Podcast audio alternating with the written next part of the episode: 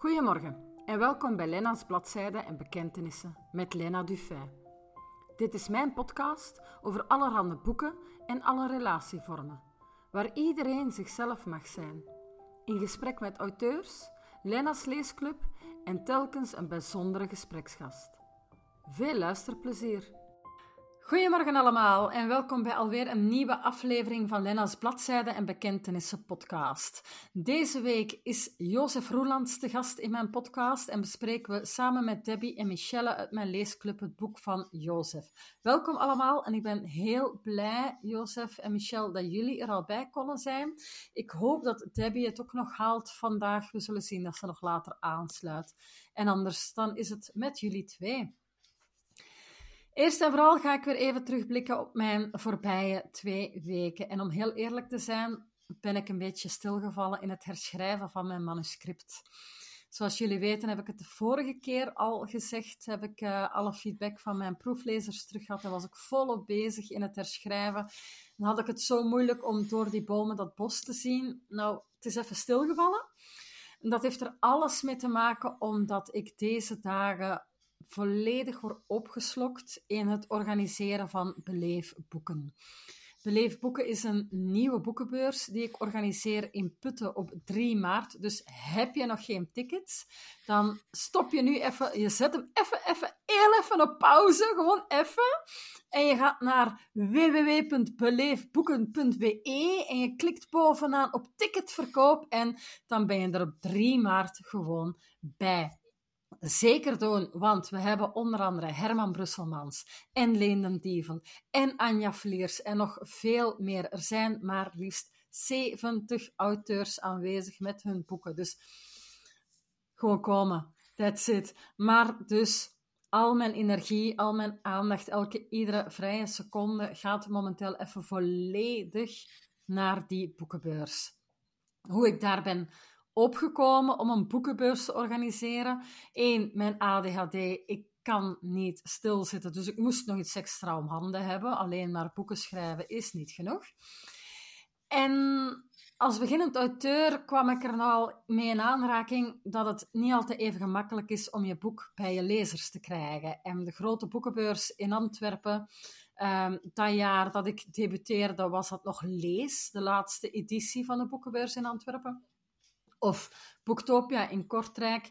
Als kleine auteur kom je daar gewoon moeilijk tot niet binnen. Dan moet je al echt bij een grotere uitgeverij zitten en dergelijke, en dat is gewoon moeilijker. En er zijn inderdaad wel kleinere mogelijkheden, kleinere alternatieven, beurzen en markten. Dan moet je actief naar zoeken en heel veel mee aan de slag gaan. En zo is bij mij het idee gegroeid om een boekenbeurs te gaan organiseren en vooral voor auteurs van eigen bodem. En dan bedoel ik Vlaanderen en Nederland, het Nederlandse woord.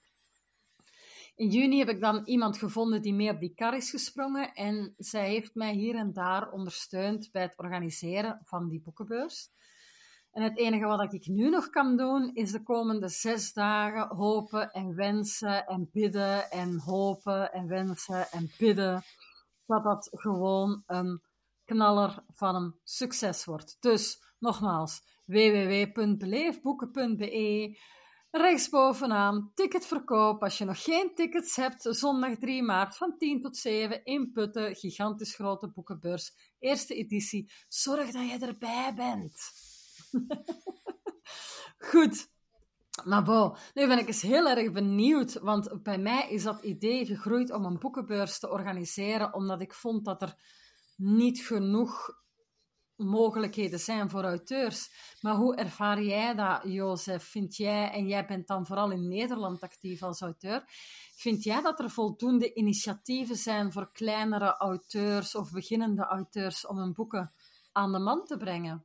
Voldoende, er mogen van mij betreft altijd meer initiatieven worden genomen. Um, niet dat ik overal bij zal kunnen zijn, maar misschien ook wel daarom. Want omdat ik niet overal bij kan zijn, als er meer initiatieven zouden zijn, maakt dat de kans ook groter dat ik ergens wel bij kan zijn.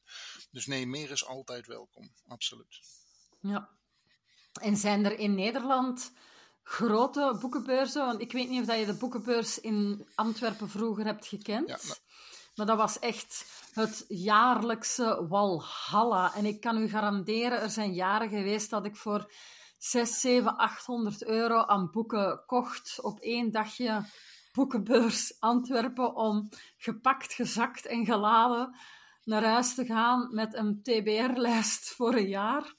Dus is er dat in Nederland ook, zo'n boekenbeurs? Um, niet zozeer zoals die in Antwerpen, want die ken ik wel. Uh, we, hebben wel in Deventer, in, dat is in het oosten van Nederland, de Deventer Boekenmarkt. En dat is de grootste boekenmarkt van Nederland elk jaar. En die is ook echt wel gigantisch. Die is ook echt heel erg leuk. Heel veel steentjes. die is wel buiten. Het is in de zomer. Die is dus wel buiten. Maar echt heel gezellig. Heel veel verschillende soorten genres dwars door elkaar heen. Daar kun je echt uren en uren rondlopen. En dan heb je nog niet alles gezien.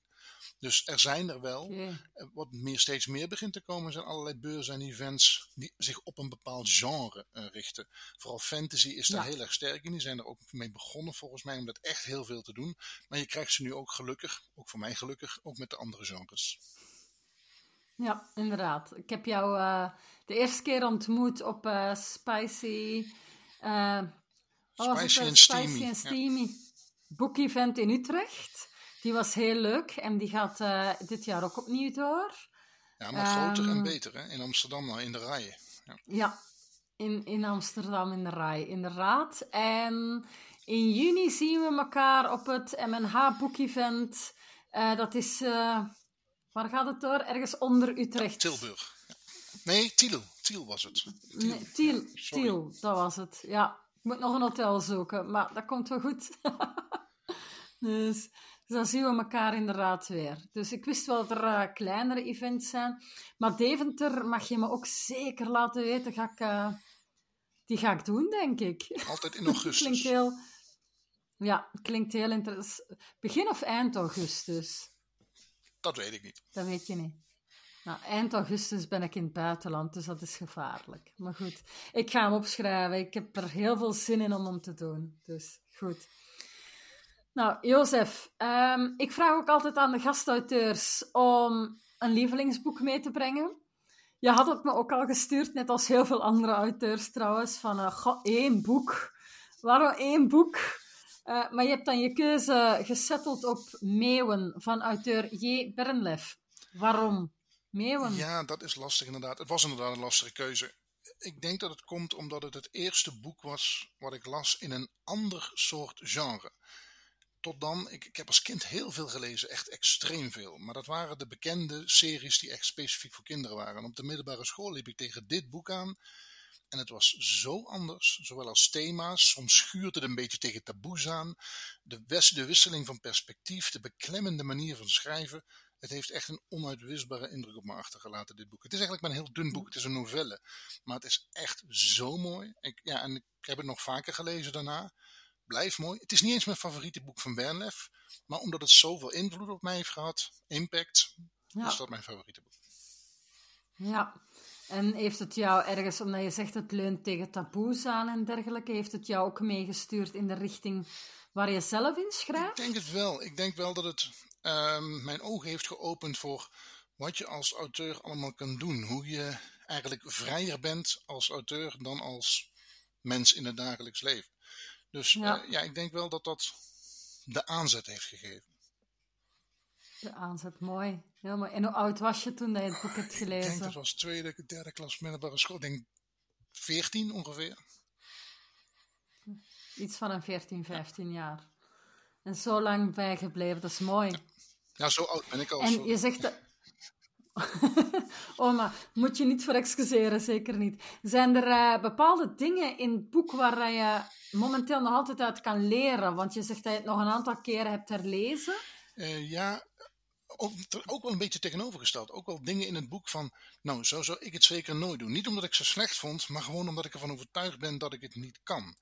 Uh, uit elk boek dat ik lees, leer ik ook. Uh, en, um, maar eh, wat ik wel zeker mee heb genomen, en dat is ook altijd zo gebleven, het, de voorliefde voor het opzoeken van grenzen.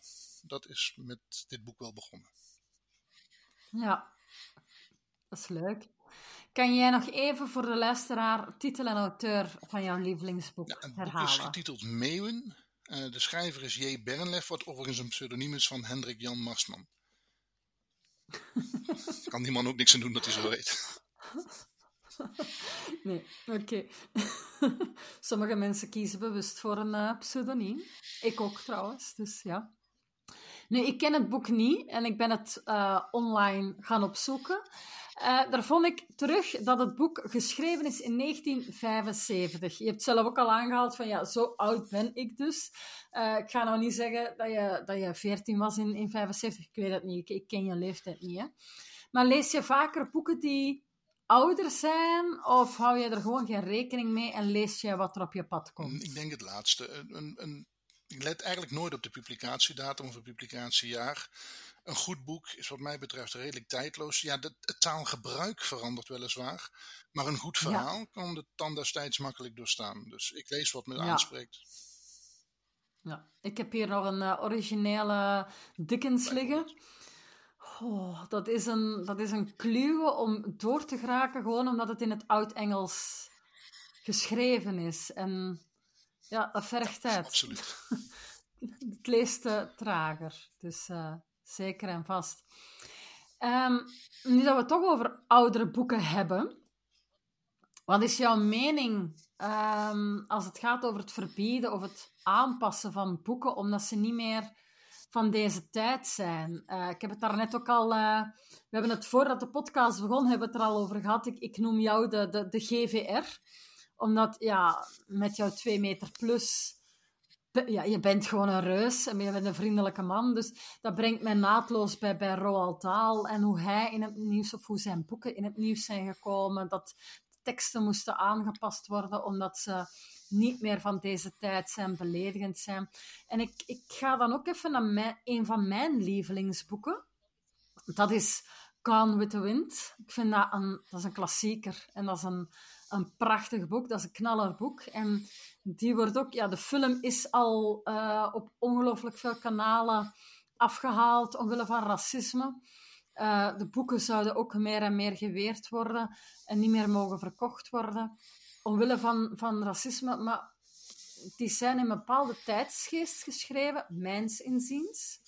En ik vind dat je eruit kan leren. Hoe vind jij dat, dat men zo'n boeken wil aanpassen of het aanpassen van boeken, daar ben ik echt persoonlijk valikant op tegen. Uh, je kunt er natuurlijk als uitgever hoogstens bijvoorbeeld een woord, voorwoord aan toevoegen om aan te geven dat de denkbeelden in dat boek niet de mening van de uitgeverij vertegenwoordigen.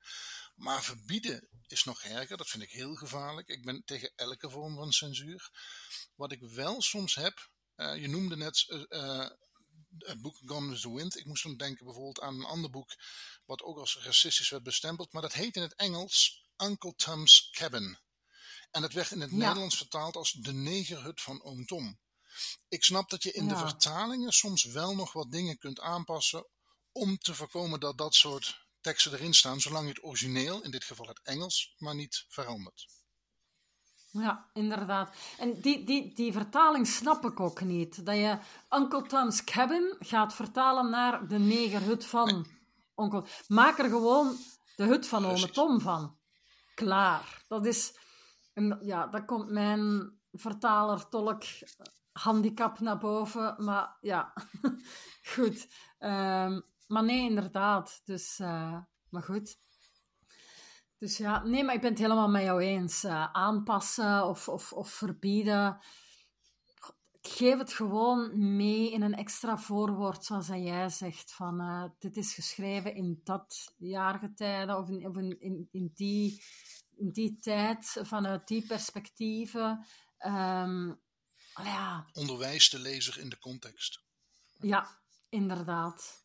Inderdaad. Maar goed, uh, daar gaan we nog een aantal decennia over moeten laten gaan, vrees ik, voordat we zo ver zijn. Zijn er uh, naast jouw um, auteur waar we het vandaag over gehad hebben, um, was het, dacht ik, ja.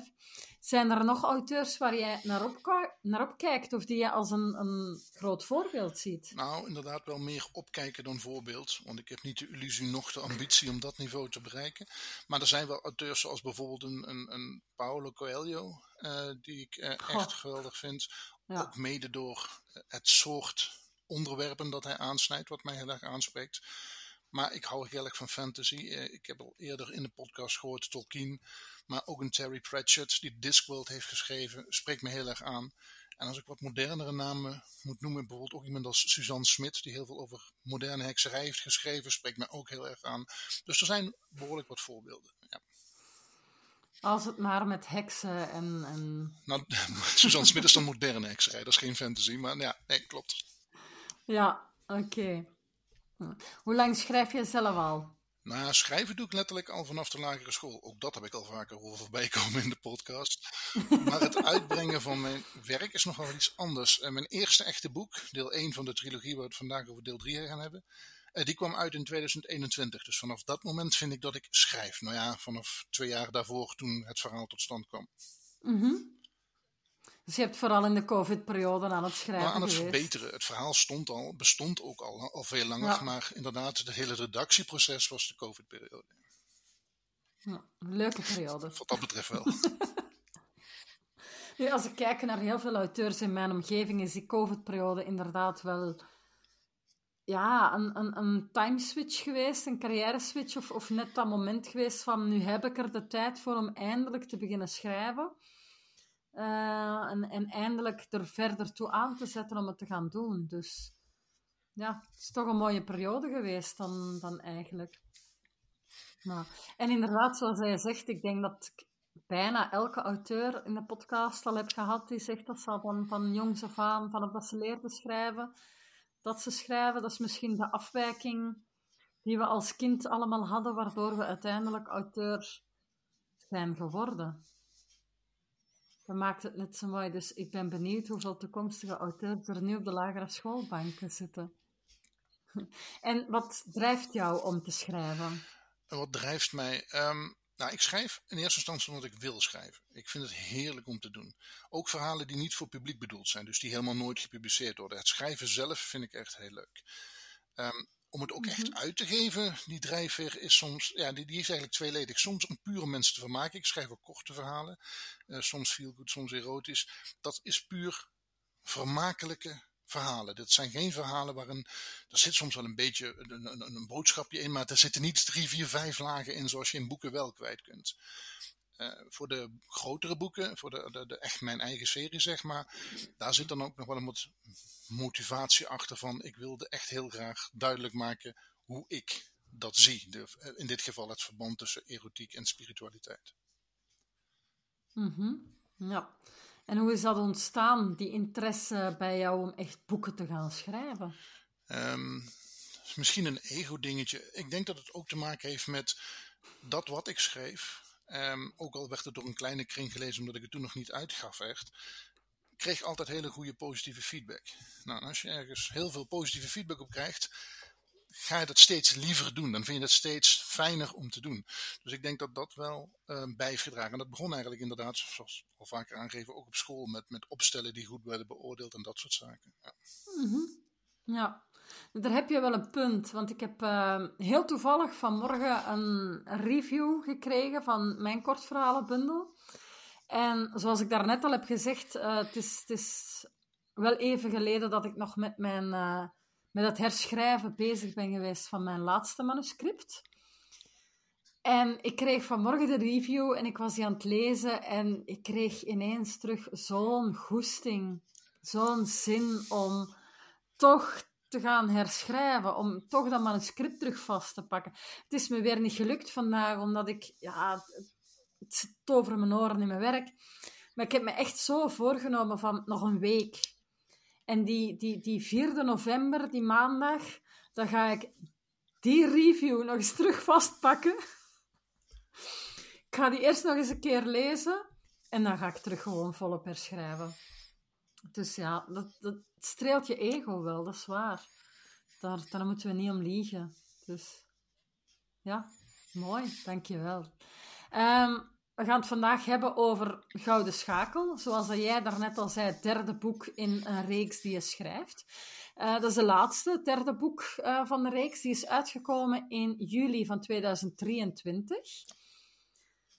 Het is een standalone, dus je kan hem lezen zonder dat je de vorige twee moest lezen. Maar hoe voel jij jou vandaag als auteur, nu jij al drie boeken echt gepubliceerd hebt in een reeks? Ja, om eerlijk te zijn, ik voel me nog steeds een amateur. Ehm, ik zeg zelf altijd trouwens am-auteur, dus uh, ik voeg de twee woorden samen.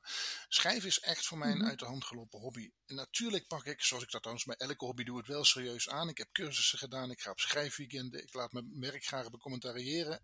Ik leer. Ik merk ook dat ik er langzaam wel wat beter in begin te worden, vind ik zelf. Maar toch, ik ben en blijf een goed bedoelende amateur die het echt oprecht wonderbaarlijk vindt hoeveel mensen het werk willen lezen en er positief over zijn. Dus dat vind ik echt heel erg fijn. Maar dat was nooit het vooropgezette plan. nee. nee, je geeft ook al aan dat je bezig bent met constant bijscholen, schrijfvakanties, schrijfweekenden. Um, merk jij dat als jij op zo'n schrijfvakantie bent geweest of een coaching hebt gehad, dat jij verbetert in je technieken of in je schrijfstijl? Dat, dat, of dat het jou ergens een boost geeft om door te gaan? Beide de boost is er zeker. Um, ook omdat je met heel veel mensen spreekt die ook enthousiast zijn over schrijven. Dat geeft absoluut een boost. Um, maar je leert. Ik moet ook wel eerlijk zeggen trouwens, niets tegen de cursusleiders. Maar ik leer altijd het meest van het luisteren naar hoe andere auteurs die ook aan dat weekend meedoen, dingen aanpakken. Daar leer je dingen mm -hmm. van, van oh, die, uh, want je hebt het verschil tussen plotten en, en, en, en natuurlijk, van, oh, organisch schrijven. Ik zit daar een beetje tussenin. Maar dan, dan, leer je van mensen, oh ik doe het zo ik doe het zo. Dus je leert heel veel van de techniek van hoe bouw je een goed verhaal op. Maar ik leer dat het meeste van het luisteren naar anderen. Ja, is dat ook niet een beetje het opzet van een schrijfvakantie? Dat je niet alleen van de docenten of de coachen leest, maar ook leert, maar ook van de mensen waarmee je daar bent. Want ik denk dat er altijd een gezonde mix is tussen beginners en ervaren rotten en wat er tussenin zit. Absoluut. Het enige wel wat ik moet zeggen is, ik heb nu twee schrijvingen meegemaakt. Uh, het is wel heel erg afhankelijk van wat de samenstelling van de groep is. Bij een van die schrijvingen was ik de enige man. Dat maakt het wel soms lastiger. Omdat je zo, toch een referentiekader van wat ik heb in mijn hoofd om mee te schrijven en wat zij hebben, uh, maakt het soms wel lastiger. Maar een, een goede mix zou niet alleen oud-jong moeten zijn, maar ook toch wel een goede mix ook in, op dat vlak. Zou wel fijn zijn. Ja, dus alle organisatoren van schrijfweken, schrijfweekends, schrijfcoachen, neem het mee. Zorg voor een mix tussen mannen en vrouwen ook. dus, en heb je er al eens bij stilgestaan om eventueel zelf zo'n schrijfvakantie met louter, niet, niet zozeer met, met een schrijfcoach, maar dat je zo zegt van, god, met, met, een, met een auteur of vijf, zes, we huren een huisje ergens in het zuiden, of, of zelfs gewoon in Nederland, of, of ja, ergens... Ik heb iemand, iemand die voor mij uh, ook uh, een van de redactierondes doet. Um, die heeft uh, zelf een huisje en die heeft dat ook al eens voorgesteld van, goh, we kunnen hier ook gewoon met z'n zessen in gaan zitten en dan kunnen we uh, gewoon elkaars werk becommentariëren. Je doet een week lang schrijven, schrijven, schrijven. En s'avonds lees je wat stukken aan elkaar voor. Dat soort zaken. Um, ze heeft het zelfs al een keer gedaan, alleen ik kon toen op dat moment niet, dus ik was er zelf niet bij. Maar nee, absoluut. ik vind dat echt heel erg nuttig en ja. uh, kan echt heel erg inspirerend werken. Ja, zeker. Ik heb, um, toen ik bezig was met mijn debuutroman, maar dat is heel lang geleden waar ik nu over spreek, die is ik heb mijn debuutroman geschreven ergens 2010, 2011. En die is dan de planken opgegaan om stof te vangen. Um, maar een heel groot deel daarvan heb ik geschreven. En dan zat ik in een soort van schrijversgroep. Groep. We waren met een auteur of vijf, zes. En iedereen schreef ook een ander genre. En we kwamen één keer in de maand, één keer per twee maanden samen. Dat was altijd in uh, Park Spoor Noord in Antwerpen. En dan ehm, twee weken voor we samenkwamen, stuurden we een stukje tekst in ehm, dat we naar elkaar mailden. En dan uh, gingen we dat van elkaar lezen en dan konden we dat die avond bespreken en, en elkaar feedback geven. En ik heb daar echt wel ongelooflijk veel van geleerd en hulp van gehad. Ook al waren dat geen echte coach, maar zij gaven gewoon hun feedback, hoe dat zij het zagen op een open en eerlijke manier. Dat was wel ja, heel leuk. Dus. inderdaad. Goed. Zijn er nog dingen die we in de toekomst van jou mogen verwachten, Jozef? Uh, uiteraard. Uh, ik blijf gewoon, ik blijf gewoon schrijven. Uh, ik ben in ieder geval van plan de vijf boeken af te maken die ik me had voorgenomen te schrijven. De trilogie is inderdaad af, maar er volgt nog een tweeluik dat een gerelateerd verhaal is, waar overigens in de laatste zinnen van boek 3 al naar geïnd wordt. Um, daarnaast blijf ik korte verhalen schrijven in diverse genres, van erotisch tot feelgood tot sprookjes en fantasy. Maar er zit ook een mm wat groter verhaal voor Emma Books uh, uitgeverij in de planning. En ik ben ook bezig met een grotere fantasy roman. Want ja, het is mijn favoriete genre om te lezen. Maar ik heb er zelf, schrijven is er nog niet van gekomen. Maar dat wil ik toch zeker ook eens proberen. Ja, toch zeker eens aan wagen. En jij zegt dat je ook heel veel kortverhalen schrijft. Wat vind jij het gemakkelijkste? Kortverhalen of een boek van 90.000 woorden? Um, nou, dat laatste weet ik niet, want ik heb nog nooit een boek van 90.000 geschreven. Die van mij zijn 150.000. die zijn wat ja, dikker. Maar, maar um, nee, ik vind. Uh, het heeft allebei voor- en nadelen. Kijk, een kort verhaal um, is moeilijker op sommige vlakken, omdat je met de uitdieping ja. van de personages een hele goede balans moet vinden. Want ja, je kunt niet te ver gaan met uitdieping, want dan ben je te veel woorden kwijt. Maar je wil ook niet het ze te vlak maken. En een lang verhaal heeft weer als nadeel dat je. Um, kijk, ik vind een heel prettige schrijfstijl zelf. Ik heb er ook wel eens commentaar op gehad, maar dat vind ik niet erg. Ik hou van kabbelend. Dat wil zeggen, bij mij is het niet van de ene scène volgt op de andere scène à la Netflix, want anders zeppen de mensen weg. Uh, ik ga rustig door een verhaal heen en dat vind ik zelf prettig om te lezen en dat vind ik ook prettig om te schrijven. Dat lukt met een kort verhaal niet en dan vind ik het weer makkelijker om een lang verhaal te schrijven. Ja. Ik, uh, ik durf echt eerlijk toegeven, ik heb een bloedhekel aan kort verhalen gecreëerd, denk ik. Uh, ik, heb een, ik heb een periode kort verhalen geschreven. Die waren één voor één bedoeld voor op mijn website te plaatsen, om op die manier, om op die manier meer mensen naar mijn website te krijgen. Dat is me ook gelukt en ik heb daar mijn nieuwsbrief heel netjes mee aangevuld en, en stilletjes aan mijn volgers op Instagram aangegroeid. En, en, en het was een mooie techniek.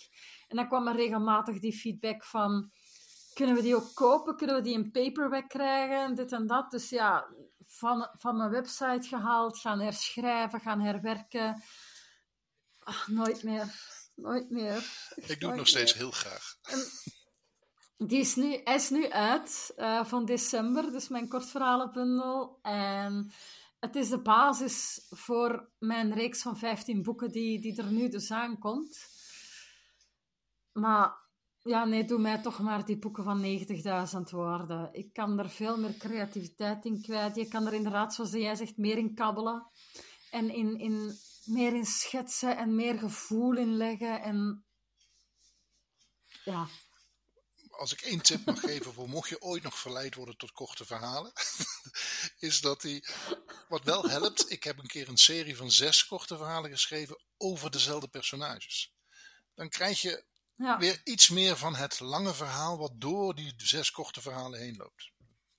Ja, you never know. We zullen zien. Hè? Goed, we gaan stilletjes aan over naar jouw gouden schakel. Uh, Debbie en Michel uit mijn leesclub hebben het boek gelezen. Uh, Debbie kan er momenteel niet bij zijn, uh, spijtig genoeg. Maar we hebben Michel. Michel zit al heel de tijd netjes te volgen. Goedemorgen, Michel. Goedemorgen, allebei. Zegt ze zo netjes, goedemorgen terug. het is, het is half negen. Even, even, voor de luisteraar, het is half negen s'avonds als we dit momenteel opnemen. Moet toch mee in de flow? Ja, inderdaad. Ik, ik, maar ik straal het ook echt uit, hè, die goeiemorgen. Echt waar, ja. maar goed, uh, Michel, wat vond jij van Gouden Schakel? Ik vond het echt wel een heel mooi boek. En uh, ja, je had al zo'n tip gegeven, esoterie. Nu, ik was het even gaan googlen, want uh, zo ben ik mee in thuis. Blijkbaar van het Grieks komt dat, als ik juist ben. Schiet me niet dood. en het gaat dus meer over het uh, verborgen, niet waarnemen aspecten van het leven. Uh, daar komt ook een heel hoog gehalte aan uh, erotische uh, belevingen bij. maar dan moet je het voor zelf gaan lezen. Daar ga ik niet te veel over zeggen. um, ik vond het persoonlijk een boek dat je niet in 1, 2, 3 leest. Dat, allee, je moet er echt wel je tijd voor nemen. Omdat er, er, er is wel redelijk wat diepgang in. En allee, om, om te begrijpen. En, en, en je hebt dan soms zo van die flashbacks en, en, en dingen. Nee, ik vond het echt wel dingen. Um, nu, voor mij vond ik het persoonlijk. Het is het derde boek uit een reeks. Ik begin nooit met een derde boek te lezen. Ik lees graag eerst 1, 2 en 3. Dan weet ik ook wat er aan de hand is. En voor mij was dat in het begin wel een beetje puzzelen. Zo van, hoe zitten die relaties nu in elkaar? Hoe moet ik die nu begrijpen? Hoe moet ik daar nu mee omgaan eigenlijk? Maar dat mag zeker geen hinder zijn om dit boek als, als standalone te lezen. En, uh, dus ja, ik, um, in eerste... Ik had zo een vage gedachte zo van Indiana Jones, maar nee, totaal niet mee te vergelijken. Veel meer. nee, ik vond het echt wel een heel tof boek. Ik was er echt wel uh, nee, blij dat ik het gelezen heb. Dat, uh, ik heb er ook echt wel de tijd voor moeten lezen en nemen. En, uh, maar nee, het was de moeite waard. Dat... Dankjewel. Wat een mooie woorden. Graag gedaan. En is er iets dat je het sterkste vond? Wat, wat jou het hardst geraakt heeft in het boek? Ja, sterk.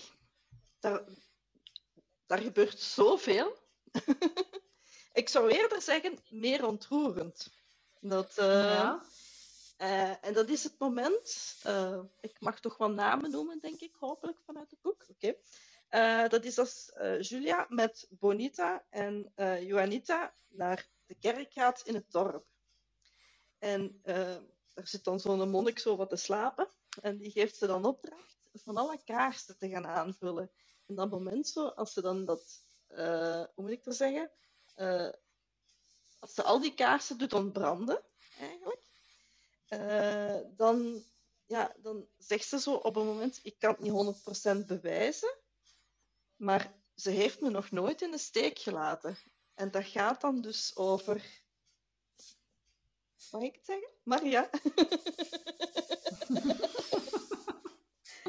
Ja, en dan staat er, ontstaat er zo een verbinding met dat blauwe licht. En ze laten het dan even. En dan daarna komen die kaarsjes weer gewoon terug op. En, en iedereen zit er dan met tranen zitten kruisjes te maken en, en te bidden en te doen. En dat vond ik echt wel een heel ontroerend moment. Dat, uh... Dus ja. Mooi. Maar er, gebeur, er gebeuren nog van alle andere dingen. Maar ja, er is mm -hmm. zoveel ook de, misschien de manier waarop, waarop ze uh, komt tot het vinden eigenlijk van de graven. Ook zeer speciaal. Ik kan niet te veel zeggen, maar. nee, dat is echt. Uh, ja, het is. Uh, vond ik echt wel heel goed. Dat, ja, en goed Julia gevonden. is dus echt wel ja, de, het hoofdpersonage. maar daarom mis ik misschien een beetje de voorgrond uh, uh, van, van hoe tot, dat zij tot dat personage gekomen is. Maar ja, dat was voor mij persoonlijk. Zeker om te lezen, dat boek. Aan te raden. Dankjewel. Mooi. Okay. Nu ben ik eens uh, benieuwd, Michel. Uh, als ik me niet vergis, heb je ook al andere dark romance, steamy romance gelezen? Mm. Merk jij een verschil, omdat je daarnet al aangaf, er komen redelijk wat erotische scènes aan bod. Merk jij een verschil tussen de erotische scènes als ze van een man geschreven zijn of als ze van een vrouw geschreven zijn? Of in dit geval niet? Denk het niet. Denk niet. Denk niet dat ik er een onderscheid in moet maken. Uh... Nou, Jozef, dan heb je een knaller neergezet. dankjewel, dankjewel. Het is zo, maar het is zo toch wel ergens een, een, een mythe of een, een, een statement waarin dat men zegt van het erotische steamy genre, dat het beter geschreven wordt door vrouwen. En ik moet nu wel eerlijk toegeven, ik heb al wel een, een tweetal boeken gelezen, steamy romance, die door mannen zijn geschreven, waar ik dan echt wel denk van, van welke planeet komen die? Want dat is Niet van Venus, niet van Mars, niet van Jupiter. Dat is niet van deze zonnestelsel. Nee, dat is in dit geval niet. Dat, uh, nee, dat... Uh... de scènes mochten het best zijn. Ik denk dat het wel helpt dat ik vanuit een vrouwelijk personage heb proberen te schrijven. Uh, dat was niet Misschien makkelijk, wel, ja. uiteraard, maar ik denk dat dat wel helpt met de beleving van de scènes. Ja, ja, ja, mm -hmm. klopt. Ja. Ja. Ja. ja. ze hebben soms heel speciale technieken om uh, tot, tot de puzzelstukjes te komen. oh jongens. ja, je moet het maar lezen, sorry. dit, dit gaat de verkeerde kant op. nee, ik vond het echt wel heel leuk. het was, uh... het heeft... Michel, ja. Ja, kan jij mij vertellen waarom de luisteraar dit boek zeker moet lezen? Maar de rode oren. maar dat mag. Dat, dat mag. Nee, nee, zeker. Nee, nee. Ja, het, het verhaal op zich is ook, is ook heel, allez, hoe moet ik zeggen, is ook heel aangenaam, leest gemakkelijk. Uh, allez, het is nu niet het is, het is geen boek dat je, zo, zoals ik zeg, op 1, 2, 3 gaat lezen. Je moet, je moet er je tijd voor nemen, vond ik. En mm -hmm. uh, ik vond het, ben soms ook al wel eens moeten teruggaan, terug stukken gaan lezen, om, om, om, voor mij persoonlijk, hè, om, omdat ik het echt wel te goed wil begrijpen eigenlijk. En dat ik er wel iets kan komen vertellen. Maar uh, nee, ja, ik vond het, vond het echt wel... Het is weer een topper geweest. Ik kies de goede auteurs eruit hè, voor mijn, uh, voor mijn podcast. ja. Uh, als het zo blijft, wil ik er nog lezen. Hè. ja, maar er komen er nog goede aan. Echt ja, waar. Ja. Er, uh, er, komen nog goede auteurs aan. Ja. Goed. Enorm bedankt voor jouw bijdrage, Michel. En om weer al een boek te lezen. Echt waar. Um, we gaan stilaan richting afsluiten. Jozef, ik ben heel even benieuwd, want je schrijft esoterische verhalen, of ja, je hebt nu toch een, een, een drieluik, trilogie in het genre geschreven. En ben ik benieuwd hoe dat jij liefde, relaties en erotiek in die boeken verwerkt.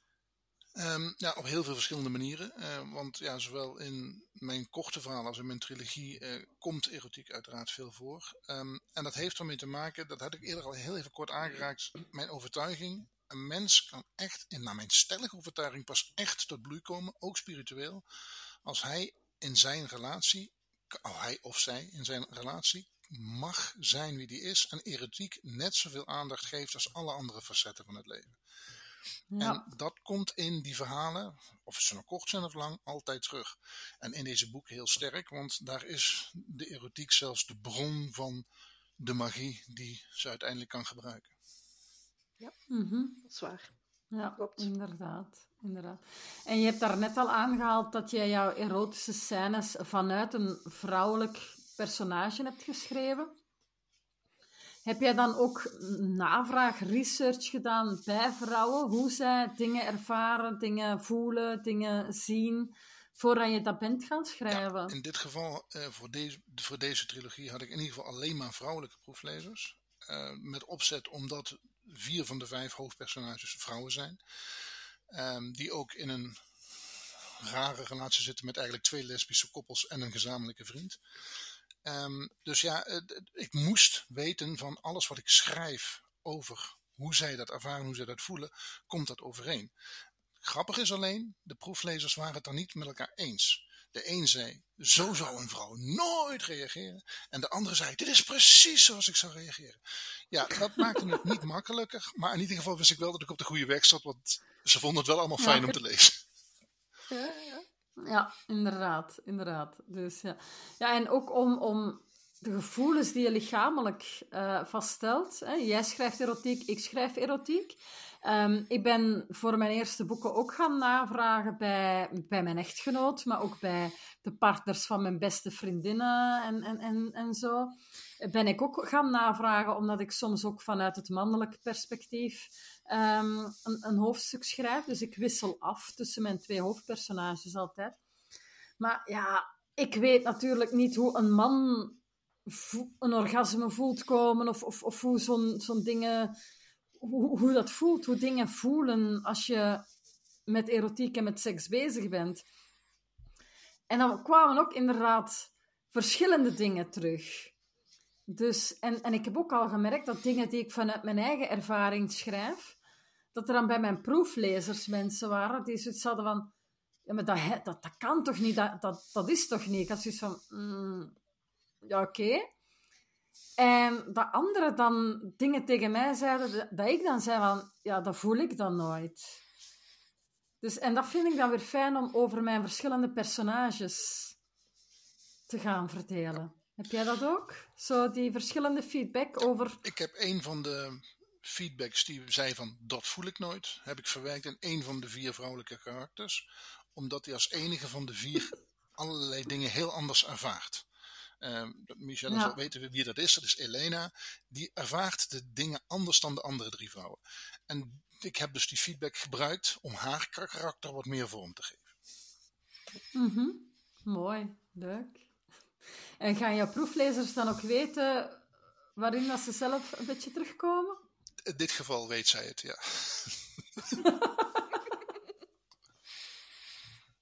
en hoe was de reactie? Nou, ze was er trots op, ze vond het niet erg.